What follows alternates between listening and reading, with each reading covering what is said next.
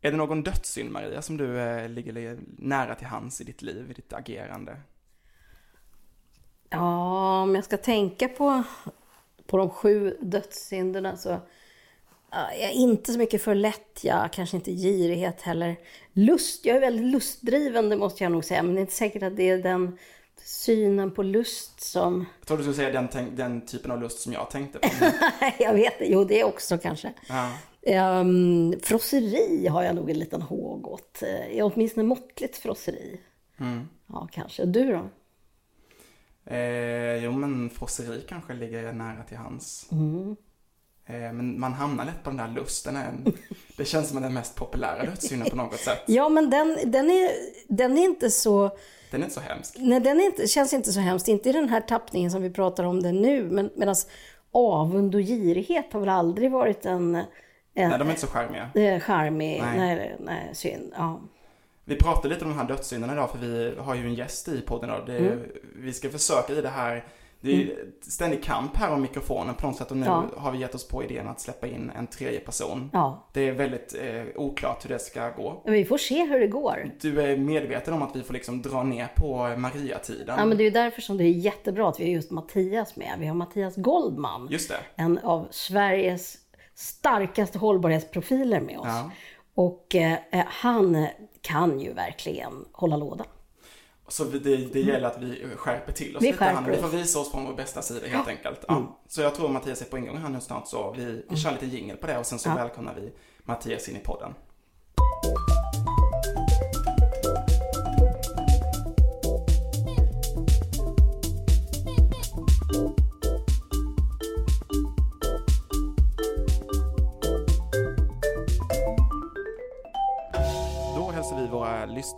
Välkomna till ett nytt avsnitt av podden Klimatgap. Med mig Isak Janehäll och Maria Wollratz Söderberg som vanligt. Men det finns en liten, en liten surpris idag kan man säga Maria.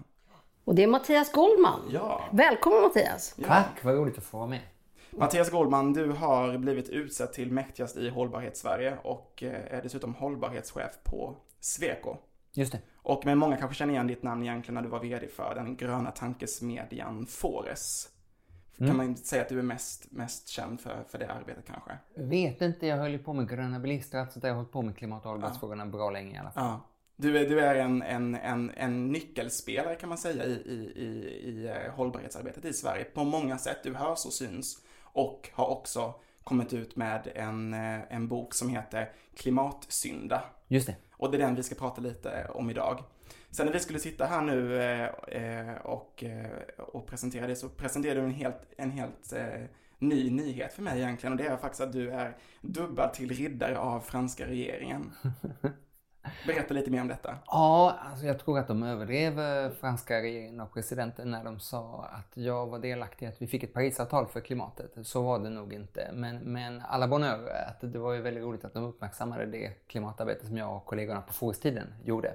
Och det var väldigt värdefullt för mig på två sätt. Dels därför att min pappa bor nu utanför Genève med sin franska fru Mabelmer. Så de eh, blev ju superstolta förstås. Och dels därför att i det internationella klimatarbete jag gör nu så, så hjälper det faktiskt till att öppna en annan dörr till styrelserum där jag tror att jag kan göra mer skillnad nu helt enkelt. Och så fick du väl ha frack, Mattias? Ja, vad tusan hade jag på mig när jag fick det där? Jag var i alla fall, jag trodde man skulle få så här bredsidan av ett svärd på ens axel. Men ja. det var bara att man skulle liksom bysta upp sig och så ja, fästes en nål. Ja. ja, fint med nål i alla fall. Ja.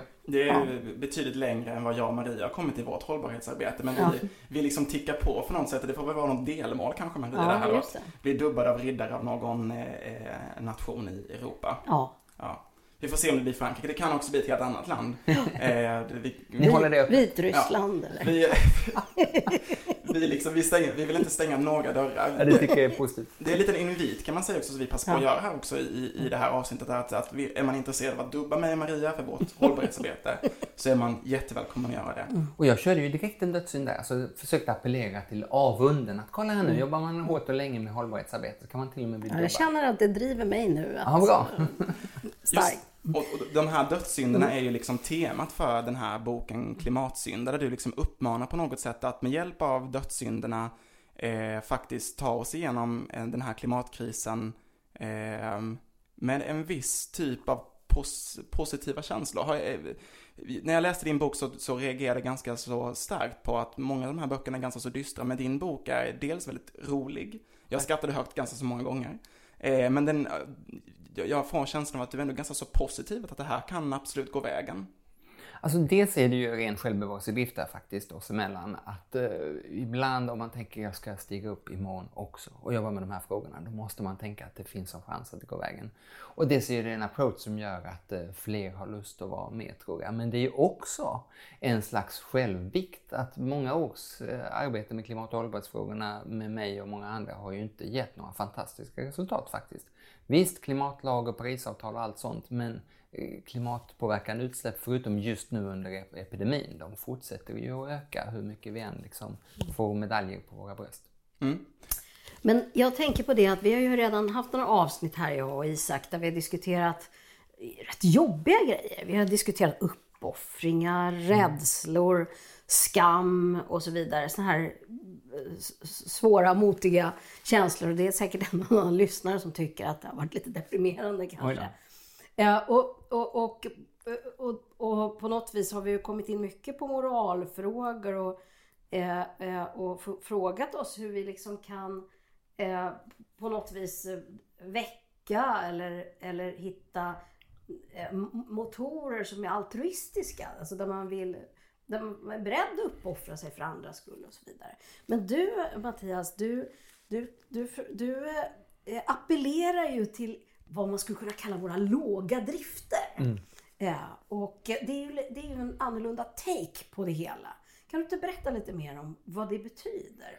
Jag, jag mm. tror att skuld och skam har hjälpt mm. eh, i viss mån. Eh, vi har fått flygskam och halloumiskam mm. och flygskammen syns i mm. antalet eh, flygresor. Att de minskar mm. när man skäms för att flyga. Mm. Men det är framförallt eh, vi som ändå var oroade över konsekvenserna av ett flygande som har minskat tror jag. Medan man har tvingat in andra i en försvarsställning där de måste logiskt motivera varför de fortsatt behöver flyga eller ha SUV eller käka halloumi eller vad det nu kan vara.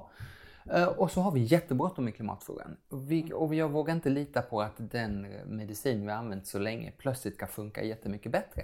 Mm. Utan jag tänker då måste vi appellera till vad folk faktiskt vill göra. Och dödssynderna är ju sju och det borde man kunna räkna upp men orkar man inte med allt det så att liksom det ska vara lätt, lustfyllt och lönsamt att göra rätt. Då kommer det att gå väldigt mycket snabbare. Och jag ser eh, att eh, de som kanske inte alls är klimatdrivna eller kanske tycker att det där måste vara någon helt annans ansvar. När man vänder på det på det sättet då får man med sig många fler. Och många fler måste göra väldigt mycket mer för att vi ska klara klimatutmaningen. Så jag ser det här som vår enda chans. Men skulle du säga att, att, att ditt tema på boken på något sätt är någonting som du har eh, eh anammat för att du tror att, det, att, att du liksom kan stö göra större påverkan? Eller är det här din generella inställning till hur vi ska bemöta eh, klimatproblemen? Ja, men det är min generella inställning faktiskt. Och den är, handlar inte bara om hur var och en kan göra. För skammandet är ju väldigt mycket att vi som individer ska lösa klimatfrågan. Och det kan vi bara göra så pass mycket. En stor del är ändå liksom politikens och storföretagens ansvar om man vill, eller liksom det är där den stora bulken av klimatpåverkan ligger i alla fall. Och då är min signal tillbaks både att vi själva ska få det lustfyllt och lönsamt och så vidare, men också att politiken till exempel måste göra det mycket, mycket lättare och mer lönsamt att göra rätt. Mm. Där vi nog alla efter en svemester eller hemester kan ge massor av exempel på hur det var lättare att göra det som är dåligt för klimatet eller billigare att göra det som är dåligt för klimatet än det som är bättre. Så det finns otroligt mycket att göra både som individer men också som institutioner att liksom systematiskt använda dödssynderna för att hejda klimatförändringarna. Mm. Och den här boken heter alltså Klimatsynden. Den kom ut precis nu eh, innan sommaren. Och, och, för de som inte har läst den ännu då, vi hoppas att det är många kanske som blir intresserade här efter. Den är extremt rolig eh, och du skämtar också ganska så eh, gott om eftersom att temat är de sju dödssynderna eh, de bibliska dödssynderna, eh, så skämtar du också ganska så gott på vissa ställen i bok just den svenska relationen till kyrkan eller till, till, till, till, till religion.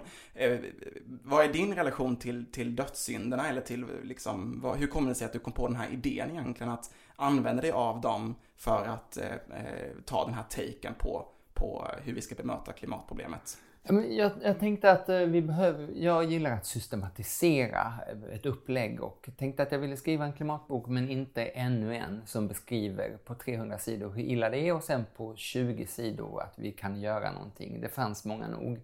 Och dessutom så går ju klimatforskningen eh, och klimatfakta så pass snabbt framåt så att den typen av böcker gör sig egentligen bättre på nätet där det hela tiden finns ny information som är mer uppdaterad än en bok någonsin kan vara. Så jag vill ha ett annat take och då är dödssynderna väldigt tacksamma därför att de är egentligen inte bara kristna utan de är allmänmänskliga. Nästan var man än befinner sig på jorden så är det ungefär det här. Man under många generationer har fått lära sig att det här får du inte göra. Det är, det är fult, det är fel att göra detta och ändå vill vi göra det. Det är därför de är liksom dödssynder. Och så tänkte jag, men om det nu är det vi vill göra, låt oss då se till att man får göra det och att man dessutom ska göra det så mycket som möjligt, så måste det vara ett effektivt sätt att komma framåt snabbare. Och så finns det den där, jag är själv liksom uppväxt med den här Bruce Willis-filmen som Seven som är baserad på dödssynderna. Alltså, många av oss liksom har en mycket tydligare relation till dem än till exempel till de urgamla stofila tio budorden.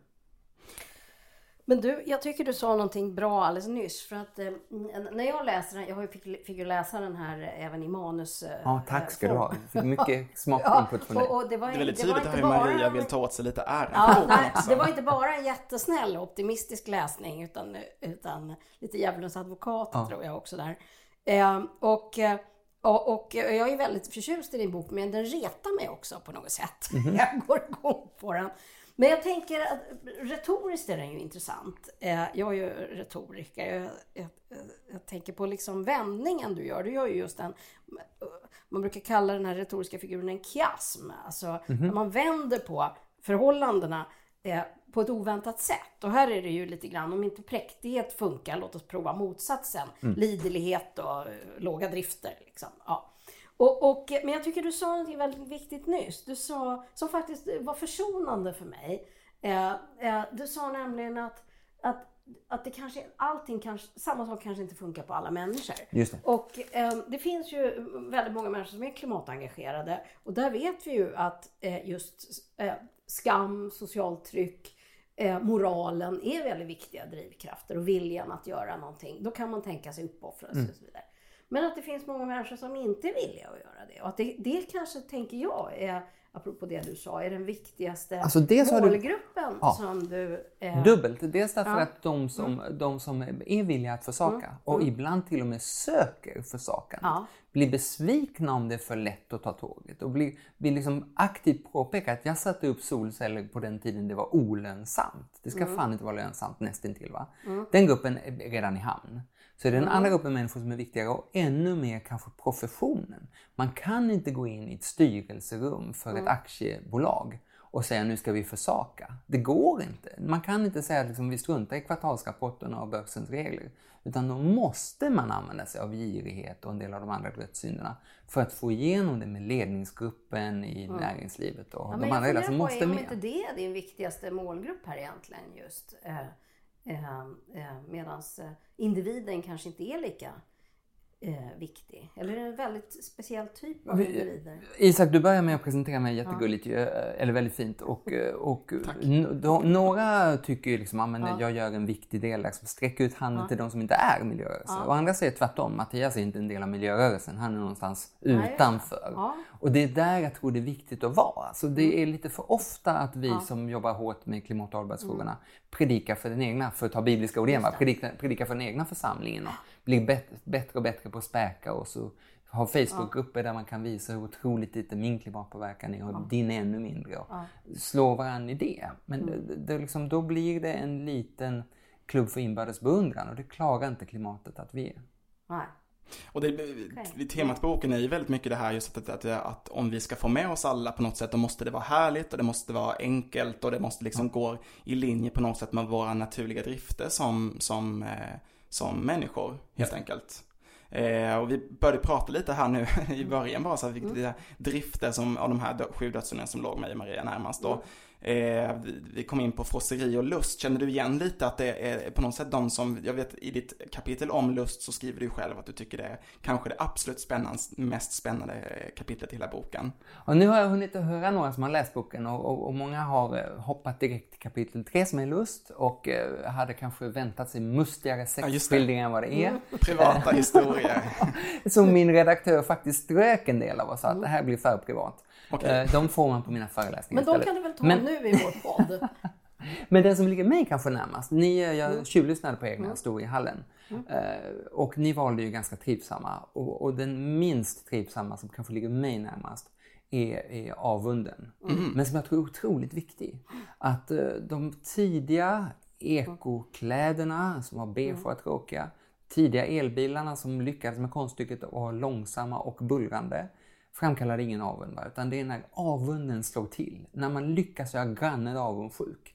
Det får en sån otrolig hävstång. Så ska jag välja en som ligger lite mig närmast och liksom bikta mig hos er i podden så är det den som jag har liksom närmast till hands att identifiera mig med. Men du, är inte avunden släkt med skammen på något sätt? Det handlar ju om den sociala jämförelsen på något vis. Mm. Så är det verkligen olika? Eller är det bara... Det Men om man säger, om man säger skäms till någon, ja. skäms för att du beter dig på det Ja. här sättet. Om jag testar att säga det till grannen Ja. så kommer grannen att förklara att jag måste ha den här stadsjeepen för att, eller min diet kräver att jag Mm. äter det här köttet eller vad det kan vara. Om jag däremot framkallar grannens avund, vilket till exempel vi har kunnat se att solceller på tak Mm. verkligen gör. Grannen tittar över staketet och frågar, är det sant Mm. att Vattenfall betalar dig för elen? Är det sant att elmätaren går baklänges? Mm. Är det sant att värdet på huset har ökat? Den avundsjukan som jag liksom aldrig kanske ens har öppnat munnen för att framkalla, Mm. utan som växer fram hos motparten så att säga. Den tror jag är otroligt mycket effektivare för att få fart på omställningen. Men då måste jag fråga, funkar inte det bäst när det gäller konsumtion? För om du tänker då till exempel solceller eller en Tesla. Det är sånt som man kan tala om som väcker avund då. Men egentligen är det ju bättre att eh, inte åka bil alls kanske. Utan Mina exempel i boken är mycket konsumtion, det har du Ja. rätt i. Men jag tror att det också finns en avund, jag tycker man har märkt det i sociala medier nu under sommaren, avund kring det enkla livet. Mm, det avund att inte behöva ta hand om något. Och, i, I och för sig har jag det på exemplet lättja med bilpooler, men bilpooler har gjort det så himla snyggt tycker jag. Där de för några år sedan sa, bli klimathjälte, gå i en bilpool, eller rädda jorden eller vad det nu var. va? Ja, men då gick jag med, och inte många till. Och nu säger de bil bara när du behöver. Att någon annan tar ansvar för att tanka den, tvätta den, besiktiga, serva, skatta. Det är mycket lättja, men det är också avunden. Gud vad enkelt du har det. Och jag som står här med alla mina vardagsbekymmer. Tänk om jag fick ha det som du. Så jag, jag, jag tror att det finns någonting där som vi vill ta fasta på. Och det är väldigt mycket det du gör i, i, i boken, på något sätt vänder lite på, på steken. Något sätt, jag, jag har skrivit in ett citat som du skriver att byt inte livsstil för att skydda klimatet, skydda klimatet för att försvara din livsstil. Eh, och ändå hör man ju så ofta i klimatdebatten att vi, vi måste, eh, vi, de säger så här, vi, vi måste ändra vår livsstil, vi måste bryta eh, liksom våra liksom så här, långa kedjor med hur vi har levt och hur vi har sett på vår egen konsumtion, vår egen, egen, egen levnadsstandard helt enkelt. Och du vill liksom vända på den kakan. Finns, tänker du att det finns någon risk lite i att, att eh, när det finns fortfarande ändå en sån viss stor andel som, som inte riktigt det är ganska så många fortfarande i Sverige som flyger och som och eh, äter stora mängder kött och så vidare. Mm. Ehm, är vi redo liksom för att den, den, den vändningen, finns det någon risk att vi slappnar av lite? Vi får verkligen inte slappna av i klimatfrågan. Utan hela temat på min bok är att vi har enormt bråttom. Så långt vi jag Greta helt rätt i hennes sommarprat till exempel. Men jag tror att om man sträcker ut handen till dem, om vi alla tre här är någon slags medelklass, va? de som har det sämre ställt i Sverige och de som har det sämre ställt i världen. Och säger att nu måste ni försaka. Då får vi med oss allt för få som kommer göra allt för lite. Och jag tycker att man märkte det också under coronapandemin. När man sa åt folk att du måste försaka, faktiskt ganska lite, håll lite avstånd, och åk lite mindre. Så gjorde, orkade vi med det ett par månader, men när det blev varmt och soligt och stranden eller uteserveringen lockade, då orkade vi inte försaka mer. Så appellerar man till försakandet så får man bara ganska liten effekt under ganska kort tid. Men jag vill ta fasta på vad du frågade där. Är, liksom, är det en livsstil verkligen att flyga? För mig är livsstilen att kunna hälsa på min brorsa i Göteborg. Men det finns ingen del av min livsstil som säger att det måste vara 10 000 meter över eh, marken. Snarare än en meter över marken på X2000 som tar exakt samma tid dörr till dörr. Livsstilen är att kunna göra det här över en helg, inte transportmedlet. I så fall har man en liksom, väldigt snäv och tragisk syn på livsstil skulle jag säga. Eh, apropå det du säger här, just ta, ta tåget, så eh, läste jag en spännande artikel om dig eh, för, för, något av, för, något avsnitt, eh, för något avsnitt sedan så pratade jag och Maria om, eh, eh vi ställde oss frågan, kan man ta eh, flyget till klimatmötet? Och du har ju faktiskt tagit tåg ända från Umeå ner till Bryssel för att gå på ett klimatmöte. Ja, värre eller bättre höll jag på att säga. Jag tog tåget eh, när klimatmötet var i Marrakesh, jag tog det i Paris och var jag snackade här om sistens i Barcelona för Volkswagen och då tog jag tåget från Luleå. Och, och där hörde jag mig själv först säga till någon, om jag måste ju snacka fredag kväll klimat i Luleå och måndag morgon eh, klimat i Barcelona. Så det går ju inte att ta tåget, sa jag. Eh, och sen hörde jag mig själv och tänkte, det här måste jag åtminstone kolla. Och så gick det. Sex byten bara. Och härliga byten. Träffade en kompis i Köpenhamn, tog en pilsner i Hamburg, träffade min pappa utanför Genève. Och så kom jag fram söndag kväll, en kvart innan Barcelona hade avspark på hemmaplan på Camp Nou. Och alla de här grejerna blev ju då dels att jag fick, och det var då jag skrev det sista på boken, jag behövde tid själv, vilket jag fick på tåget. Mm. Och jag fick de här ställena längs vägen. Så att folk sa, gud vad duktig du var som tog tåget, som om det var en försakelse. Mm. Och hade jag liksom profilerat det så, så hade ingen frågat mig om råd om den resan sen. Men jag menar att jag berättade så mycket om de härliga stoppen längs vägen allt det där jag kunde mm. göra, så har jag blivit någon slags virtuell researrangör efteråt med otroligt många som hört av sig. Hur gör man? Och hur ser man till att man får de där två timmarna i Köpenhamn? Just vad det kan vara. För jag tänker, när vi pratar just lite om, om livsstil så kan man ju ifrågasätta vad, vem som skulle säga att livsstilen är att, att äh, handla i någon taskig äh, taxfree shop och och stå kö till ett trångt flygplan där man sitter och svettas. Eh, och får inte få plats med sina ben. Eller om man tar tåget och passar på att se Europa på ja. vägen ner till Marrakesh eller var man nu ska någonstans. Eh, men ändå har vi så nära till det där liksom att eh, det är flyget till, till Kanarieöarna som, som är det vi inte vill missa. Det, det kan liksom inte avstå från det. Varför tror du att vi har så svårt att, eh, att liksom förstå vad som egentligen kanske är vår livsstil, det vi inte vill förlora? Jag tror att eh, det där håller på att ändras ganska snabbt. Att det första, eh, det som, det som märks nu väldigt tydligt i sociala medier är hur mycket färre likes de får mm. som lägger ut sina långväga flygresor. I förhållande till när du tog tåget? I förhållande till när jag tog tåget, ja. Dels det, men också i förhållande till för bara några år sedan. Har vi avunden där då? Ja, men det, som det, spelar in på något sätt? Vi har avunden som spelar in mm. och vi har också, tror jag, att man börjar, allt fler börjar känna igen sig att liksom, mm. det värdefulla är, mm. är tiden tillsammans till exempel. En annan gång när jag tog tåget ner till min pappa i Genève tillsammans med min tonårsdotter mm. så var det nästan enda gången i modern tid som vi har haft en hel dag tillsammans, bara hon och jag, på tåget där. Sen när man väl är framme så gör man tusen olika saker. Men uppkopplingen var faktiskt dålig på Deutsche Bahn så att vi hade verkligen tid tillsammans på ett sätt som man absolut inte har i bil där man sitter och tittar på ryggen på varandra. Och faktiskt inte heller på, på flyget. Eh, så jag tror att när man betonar de här livskvalitetsvärdena så tror jag att många tycker det där vill jag också åt. Jag tror att du har alldeles rätt i att frestelsen naturligtvis en, kan vara en väldigt stark eh, drivkraft. Men jag kommer tillbaka till någonting du sa, nämligen du talade om oss som medelklass och, och så, så att det kan finnas människor som är mindre välbärgade och så vidare. Och att, som, att det var de som det här kanske var viktigast för dem. Men jag tänker för mig när jag läser den här boken så tänker jag snarare kanske att du talar till de som är väldigt välbärgade. Alltså eh, eh, som, som är vi som kan välja. Eh, har du någon eh, men både och. Ja. Alltså jag, jag, talar inte till någon speciell grupp. Jag bara Nej. vänder mig mm. mot mm. att den miljörörelse som jag ser mig som sprungen ur mm. Eh, appellerar starkt till en intellektuell, relativt välbeställd medelklass i västvärlden. Mm. Ska vi klara klimat... Ska liksom ett enstaka parti klara 4% spärren så kanske det mm. duger. Men ska vi klara klimatutmaningen så mm. måste mm. många, många fler känna det här är något för mig. Mm. Och vi har ju historiskt, även i Sverige, haft ett problem att stora delar av arbetarrörelsen har tyckt att det här är inget för mig. Och stora delar av de som har väldigt mycket pengar i plånboken har en mm. klimatpåverkan som är helt åt helvete. Mm. Så det, och uh, vi märker också, Tesla finns med ett par gånger i min bok tror jag. Vi märker också att det som börjar hos de välbärgade. Jag har inte råd med Tesla men jag har råd med sju Tesla-aktier. Eh, det som börjar som välbärgade sipprar ner medan mm. det är mer ovanligt att det sipprar upp. Mm. Och eh, det är viktigt att klimatfrågorna får förknippas med någonting som man avundas. Man tänker det här skulle jag också vilja kunna unna mig.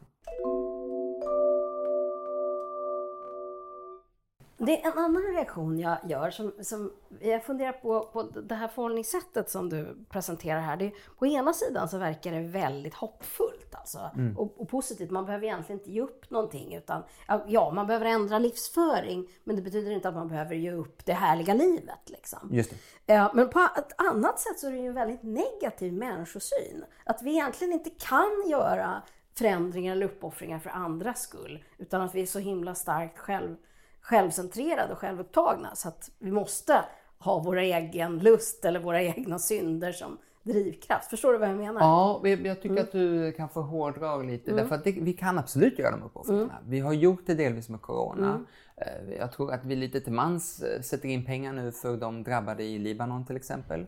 Men det man inte får missa är att klimatutmaningen är enorm. Därför att vi har vilat oss i form mm. så länge. Så att vi i vår del i världen måste ner i utsläpp under noll under vår livstid. Och vi måste halvera vår klimatpåverkan detta årtionde. Och så långt vågar inte jag gambla på att vi klarar med liksom den befintliga medicin vi har haft hittills. Utan då måste det vara lätt, lustfyllt och lönsamt, annars kommer mm. det inte att hända. Du tänker det tar för lång tid helt enkelt att vi, om vi ska ställa om oss själva först? Liksom. Ja men så är det och jag har hört till exempel Greta, hon förespråkar någon slags helt annat politiskt ledarskap och andra säger att marknadsekonomin kan vi inte ha och det tycker jag är så urbota dumt, fast till exempel Greta är en stor hjälte för mig. Därför att vi har inte den tiden att komma på ett helt annat ekonomiskt system eller hitta en helt annan typ av politiska ledare. Vi måste klara det inom ramen för ungefär det politiska system vi har, ungefär de företag vi har och definitivt med de individer vi är. Mm. Men kan du ge några exempel, tänker jag, Mattias? Om vi tänker vi har de här sju dödssynderna. Eh, något exempel på någon sorts beteendeförändring som som då skulle kunna vara lustdriven. Det, det, tycker jag att du har gjort förresten, när det mm. gäller det här med tågresan. Det, det är väldigt inspirerande när du berättar det. Men lättja då? Men lättjan, jag sa ju mm. bilpoolsexemplet nu som jag tycker är ja, jättebra, som verkligen appellerar ja. till att vi har alla svårt att få livspusslet mm. att gå ihop. Många av oss har tänkt gång på gång att jag skulle vilja ta tåget men mm. gud det är sjukt svårt att ens boka tågresan. Mm. Så då blir det lättjefullt att man kryssar i flyget i alla fall. Och där är ju min signal igen att det är inte bara du och jag som ska liksom mm. hitta det lättfyllda utan politiken måste också göra så att det, det som är liksom enkelt är det klimatsmarta och så är det ju verkligen inte alls idag. Att, kan du ge några exempel på vad det skulle kunna innebära då? Ja, jag skulle verkligen vilja att det var mycket enklare att eh, för det första veta vad är klimatpåverkan av, av ens beslut. Mm. Och eh, de gånger man vet så skulle det förstås vara enklare att boka tågresan än flygresan, även om man ska till Marrakesh eller Barcelona. Men, men bara Malmöresan är ju fortfarande enklare att gå in på SAS än på SJ, tror jag många upplever. Eh, samma med, med, med liksom vår mat, att många tycker att det enklaste är väl att köpa varmkorv åt ungarna, som alltid, mellan det där vegetariska eller veganska verkar knepigt och vad är det för mm. ingredienser mm. egentligen och sådär. Där egentligen är det faktiskt tvärtom. Mm. Att om man vill laga mat som passar alla, ja men laga då veganskt eller vegetariskt. Då liksom är det otroligt många olika grupper av särkrav som faller bort därför att det är liksom uppfyllt direkt. Det är bara den som har liksom fullt ut kött på bordet från början som norm som måste ta hänsyn till en massa olika grupper och ställa mm. fram fem, sex olika måltider. Och girighet då? Girigheten är ju så tacksam att, uh, att använda nu därför att under tider där ekonomin har gått jättedåligt, i coronatider, så har vi sett att uh, de hållbara investeringarna har också varit de mest uh, lönsamma. Mm. De senaste åren har det varit bättre avkastning för den som har hållbara grejer i sin pensionsfond eller i sin fondportfölj eller vad det kan vara. Va? Eh, vi ser också att de bolag som är mer hållbara, man kan mer och mer lägga Fortune 500 och eh, Dow Jones Sustainability Indexes eh, över varandra så att de överlappar. Och det är ju jätteroligt att se och det är väldigt logiskt också. Man kan ju tänka sig om någon tror att Parisavtalet och Sveriges klimatlag och sådär ens någorlunda kommer att hända. Mm. Då är det klart att det är en jäkla risk att ta att ha pengar i kol och olja och en bättre framtid att ha det i förnybart och effektivt mm. till exempel. Och vrede? Men vreden eh, är knepig för oss som är sprungna ur miljöhåll därför att det är mm. den som vi har lagt bakom oss. Vi började med att vara förbannade allihop. Vi började med, jag, jag själv började med demonstrationer mot Barsebäck, bodde i Skåne, vaska väck Barsebäck. Så va? Mm. Och eh, demonstrerade mot djurförsök utanför Lunds lasarett och allt sånt där. Och vi har kanske kedjat fast oss vid saker och ockuperat och protesterat och skrivit mm. på listor och sådär. Och sen kom vi på att det här var inte så effektivt. Vi liksom, jag själv till exempel är hållbarhetschef nu. Vi tog på oss kostymer, kavajer och dräkter och in i styrelserummet snarare än att stå utanför i kylan.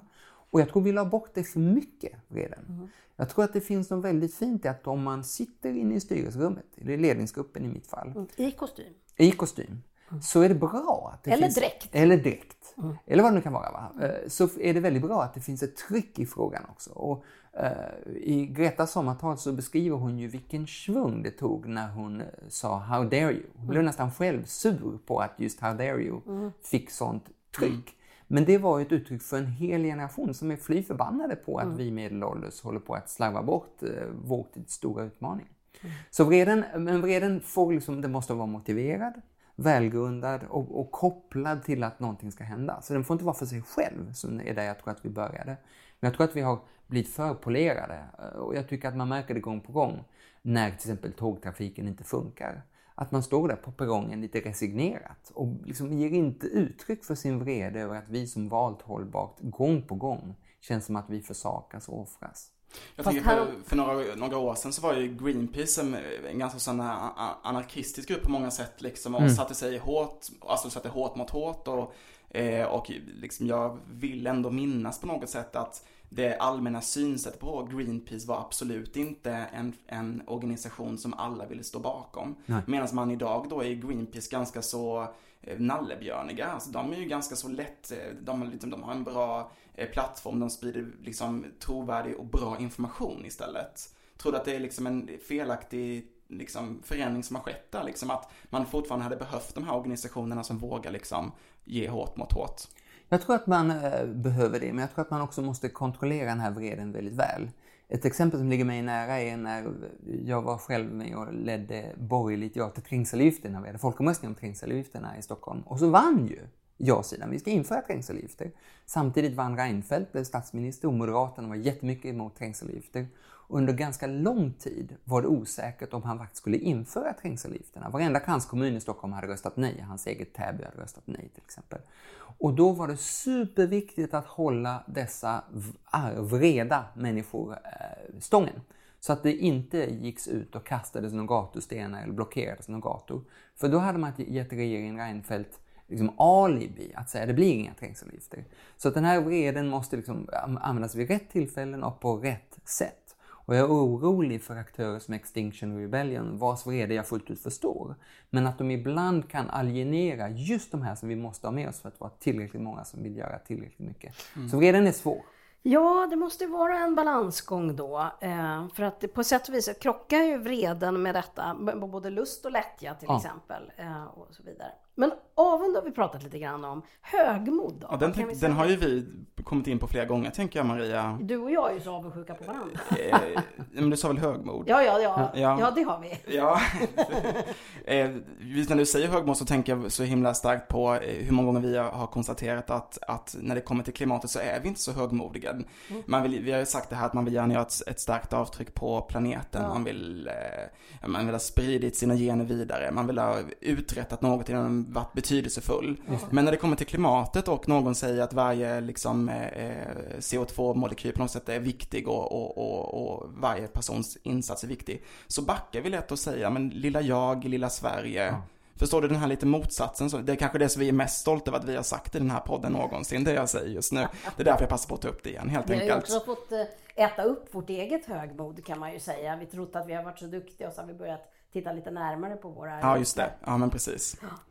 Och högmodet behöver ju inte dag ett eh, liksom vara kopplat till att man har lågat sig själv eller att man har gjort något fantastiskt. Utan det kan ju vara kopplat till en ambition. Och jag är, är, är som ex-politiker och som medelålders eh, så liksom är jag ganska ofta lite besviken på politiken. Men jag är väldigt nöjd och imponerad över hur sju riksdagspartier, alla utom det åttonde, kunna komma överens om de svenska klimatmålen och, och grunden till det. Där de sa att vi ska vara världens första fossilfria välfärdsland, står i regeringsförklaringen. Och eh, vi ska vara, med Svante Axelsson och Fossilfritt Sveriges eh, ord, vi ska vara den permanenta världsutställningen för klimatlösningar. Eller som jag brukar säga, liksom, eh, den globala helpdesken man hör av sig till i klimatfrågor. Och det är så himla klokt tänkt, därför att Sverige står ju för 0,15 procent av världens samlade klimatpåverkan. Som är så lite så att du har förstås rätt att varje molekyl gör skillnad, men vad Sverige gör spelar inte så stor roll på det stora hela. Utom om vi kan bli en förebild för andra. Det är vår chans att verkligen göra skillnad. Och, och liksom anammar man det synsättet, att Sverige ska vara bäst på detta, man ska vända sig till Sverige. Och ser man att Sverige är så litet, så när man vänder sig till Sverige, då måste man också vända sig till någon högskola i Sverige. Tänk om det till exempel är Södertörn, då ska hela världens högskola och universitet zooma in på Södertörn. Något... Och vilka sitter där? Och vilka sitter där om inte ni två va? ja. Något dagis ska det vara, någon kyrka. Per Bolund och jag var invigde Huddinge kyrka som, som sa, ja men om, hela, om Sverige ska vara först så kommer hela världens kyrkor vända sig till dem och då vill Huddinge vara kyrkan som hela världen kan titta på för de ska vara bäst på klimat. MFF, fotbollsklubben, har ungefär samma sak sagt om de globala hållbara utvecklingsmålen. Att de ska vara förebilden för andra fotbollsklubbar. Och det där liksom fyller vårt klimatarbete med mening. Och liksom själva sinnebilden av högmod, detta kaxiga lilla land med bara 10 miljoner invånare som ska visa världen hur man ska göra. Men då måste jag fråga dig Mattias, för jag får ofta en känsla av att det här, det här högmodet blir en sorts alibi för att slippa handla. Alltså man, man tycker men vi är så duktiga så vi behöver inte. Eller vi är, är, Sverige är så duktiga, det är, det är Kina som behöver minska sina utsläpp. Varför ska vi?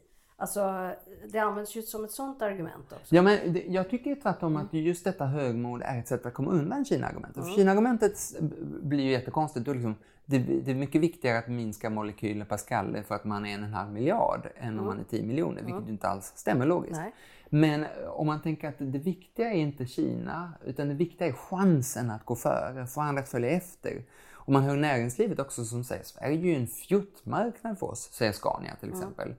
Eh, som är med i Klimatsyndaboken. Eh, men det är den viktigaste marknaden, för det var hemmamarknaden. Den vi visar upp när vi sen ska sälja elbussar i Sydafrika, och Kina och Brasilien. Och då kräver det att man har en hemmamarknad som är ledande. Men har vi så mycket att vara stolta över uppriktigt talat? Eftersom ja, vi har så jäkla höga utsläpp i Sverige. Just! Och, det... går och tror att de är låga. Och det, det, ja, och det är det som är så himla viktigt med detta mål.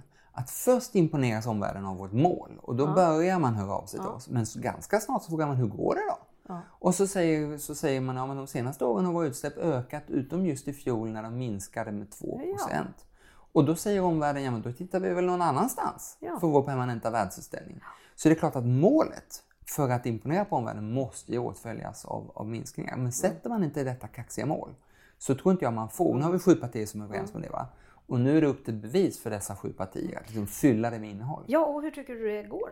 Jag tycker att det går så där ärligt talat. Jag tycker mm. att de mm. tre stora partierna i opinionsmätningarna, alla tre, har lämnat över ansvaret till andra.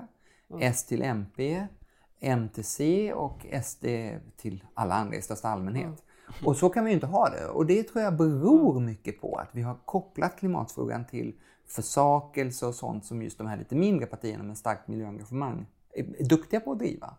Men för att ska vi, ska vi få med en arbetarrörelse eller näringslivsdriven partipolitik eller folk som helt enkelt värnar det Sverige som vi känner igen från förr. Mm. Då tror jag den här approachen är viktig.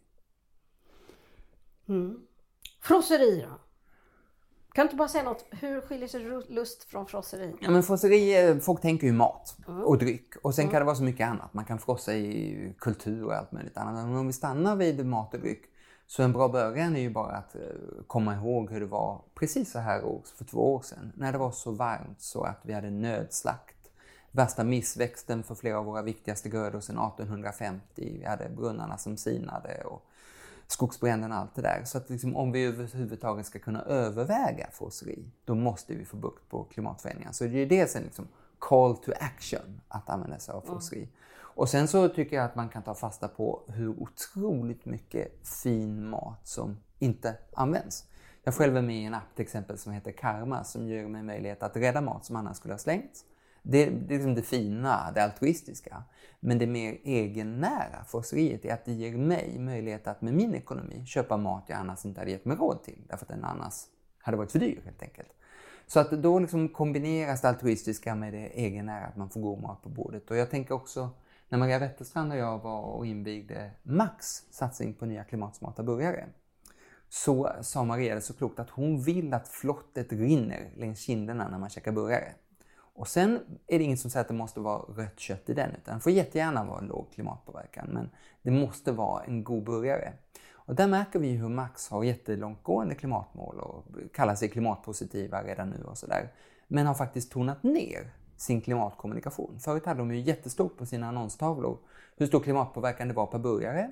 Och då var det några, till exempel jag, som alltid tog den med lägst avtryck, men många andra som förknippade det med någonting som säkert inte är gott. Och nu gör de bilder som Låg däremot... klimatpåverkan lite flott. Just det. Ja, okej. Men de har tagit sin eh, lite, gamla slogan lite mer tillbaka, den här Sveriges godaste hamburgare på något sätt. Den är liksom mer viktig på något sätt istället att det är gott att äta på Max. Just det, och så strukit ham där, så det är Sveriges godaste burgare. Ja, men så är det kanske. Och, just de, och den kan vara på alla möjliga sätt och de liksom kör de här utmaningen där man liksom eh, ger sig tusan på att en svuren köttätare inte ens kan känna skillnad Nej. på deras vanliga burgare och deras gröna. Nej, det är lite otäckt faktiskt. Jag har ätit eh, någon burgare där som jag var eh, övertygad om att de hade gett mig fel. Just det, Mm. mig med. Impossible Meats gör ju samma sak. Att liksom, målet är att det ska vara så likt som möjligt Mm. så att alla de där som inte egentligen är beredda att byta plötsligt bara har gjort det i alla fall. kan vara värt att lägga till här nu i, i, i sann public service-anda, även fast vi representerar en, en, en statlig högskola, att vi absolut inte är sponsrade av diverse olika företag, alltså vi namndroppar. Men det är ändå bra exempel på hur eh, enskilda företag kan liksom ändra en, en diskurs när det kommer till hur vi ser på klimatarbetet. Och där har vi några bra exempel då. Just det, och, och det spännande med nästan alla dessa är ju att de inte är de största. Alltså Tesla är ju jättemycket värt nu, va, men det är ett litet bilföretag. Max är ett svenskt familjeföretag. Eh, Så jag tror att det börjar med de som ser en chans att utmana genom att ta en, en, annan profil. Och då kanske de tänker lite mer nytänkande, men de tänker definitivt inte försakelse. Men, men Mattias, här kan man ju få intrycket att vi kan konsumera oss genom krisen. Kan vi det? Nej, det kan vi inte. eh, Utan vi måste konsumera betydligt mindre och betydligt eh, smartare. Och där är till exempel i mitt lättja-avsnitt handlar ganska mycket om hur smart delningsekonomin är. Att eh, det är egentligen, nu i sommar till exempel, har jag så många kompisar som har känt sig tvingade att åka till stugan därför att det är som att stugan äger, äger dem istället för att de äger stugan. Och samma med bilen. Och, gud vad många saker som jag är så himla glad att jag inte har. Eh, så att jag tror att en stor del av lösningen är i dels delningsekonomin som gör att man inte behöver ha alls lika många prylar men har tillgång till betydligt fler. Och dels den cirkulära ekonomin som gör att saker inte är slit och släng. Eller slit och släng, ofta är det till och med värre än så. Det är köp, använd tre gånger och tröttna på utan att det är slitet. Men eh, så delning och cirkulärt gör att vi liksom kan hantera konsumtionen. Du talar ju mycket övertygande och eh, det är väldigt kul att prata med dig om det här, och- om de här synderna. Finns det någon varning också? Finns det någon, finns det någon gräns för hur långt vi kan dra den här, ehm, eh, den här perspektiveringen av, av klimatfrågan? Att vi kan gå på lust och, drifter. Men en, alltså en del av driften, till exempel girigheten, handlar ju om det som jag har sagt så himla länge, att det ska vara lönsamt att göra rätt. Det står ju rent, om i, liksom- rent av i liksom svensk lag och EU har också det. Att liksom polluter pays principle är, är väldigt gammal. Men jag tror alla, alla kedjor igen att så är det inte. Så även om det är ett nytt take i klimatsynda så är det delar av det som är ganska gamla sanningar men som jag bara tycker att nu är det hög tid att de blir av. Men egentligen är det inte samma sak. Så att det ska vara lönsamt att göra rätt, men då ska det vara olönsamt att inte göra rätt. Vad är skillnaden? Uh, Nej, men det är väl ingen skillnad. Sen, men men om, du har rätt i att någonstans måste man också sätta en skarp gräns. Ja. Och det är roligt att märka att ganska många företag, tvärt emot vad folk tror, tycker att det är jätteskönt med rena, hårda förbud. Ja, Alltså, det har också varit vi lyckades aldrig få Ja. Mm. till eh, lågenergilampor så länge det var, ja men de här är lönsamma för dig på sikt. Mm. Utan då kostar de så himla mycket så att ja, jag kan ju liksom inte tänka 15 år framåt i tiden när jag byter glödlampor. Vem vet vem som har min lägenhet om 15 år? Utan det var när politiken äntligen förbjöd de gammaldags lamporna. Philips jublade och, och priset sjönk Mm. och Ikea kunde börja sälja dem jättebilligt och sådär va. Och jag tänker också att, eh, att flyga till Göteborg, är inte det så otroligt korkat från Stockholm? Att man bara borde förbjuda det. Jag tror att eh, franska regeringen till exempel slog an en smart ton när de bailade ut Air France mot kravet att Air France inte får konkurrera på inrikessträckor upp till två och en halv timme. Och då känner jag att jag måste få glida över i en väldigt aktuell fråga. Nämligen post-corona. Eller snarare omställningen Mm i och med corona nu. Det är många regeringar och myndigheter som gör olika typer av satsningar. Hur ska vi göra för att det ska eh, bli en omställning som är hållbar och grön? En del av recepten tror jag vi har fått längs vägen. Jag tror att om man för ett år sedan hade sagt nu ska vi inte vara på kontoren till vardags utan vi ska sitta hemma. Då hade de flesta tyckt att det är helt orealistiskt och inte minst liksom i ledningsgrupper och så hade man sagt nej, personalen ska vara på jobbet. Nu har vi fattat att det där eh, inkräktar inte på produktiviteten för yrkesgrupper som vi runt bordet, men ganska många andra yrkesgrupper också. Så en del har vi lärt oss längs vägen. En del av vill vi absolut inte ha det som vi haft under coronatiden. Vi vill inte att det är corona som förhindrar oss att resa till våra grannländer, utan vi vill att man ska kunna resa när det är befogat av andra skäl. Så vi har fått några pusselbitar, men en del vill vi också göra av med. Men sen tror jag att eh, vi behöver den här typen av liksom pausknapp som man trycker in och sen släpper på för att få tillfälle att tänka om. Och det ser jag tyvärr inte enormt mycket av än så länge på svensk nivå. Men vi, och jag tror att det beror på att vi i Sverige inte tryckte in pausknappen lika djupt. Andra länder stoppade ju tydligare. Och då ser man städer i Europa som bygger cykelvägar så att när vi startar igen ska man cykla istället för att åka bil och för att man inte vågar åka kollektivt eh, och så nära varandra. Vi ser länder som ger stöd till flygbolagen med, med liksom krav på att de inte ska flyga inrikes. Och vi ser hela EUs gröna deal som har enormt mycket av en grön omstart. Och så småningom ser vi väl det på svensk nivå också. Men, men jag tror att när vi tittar tillbaka så var det just den här chansen, liksom stopp och start, som, som gav oss möjligheten.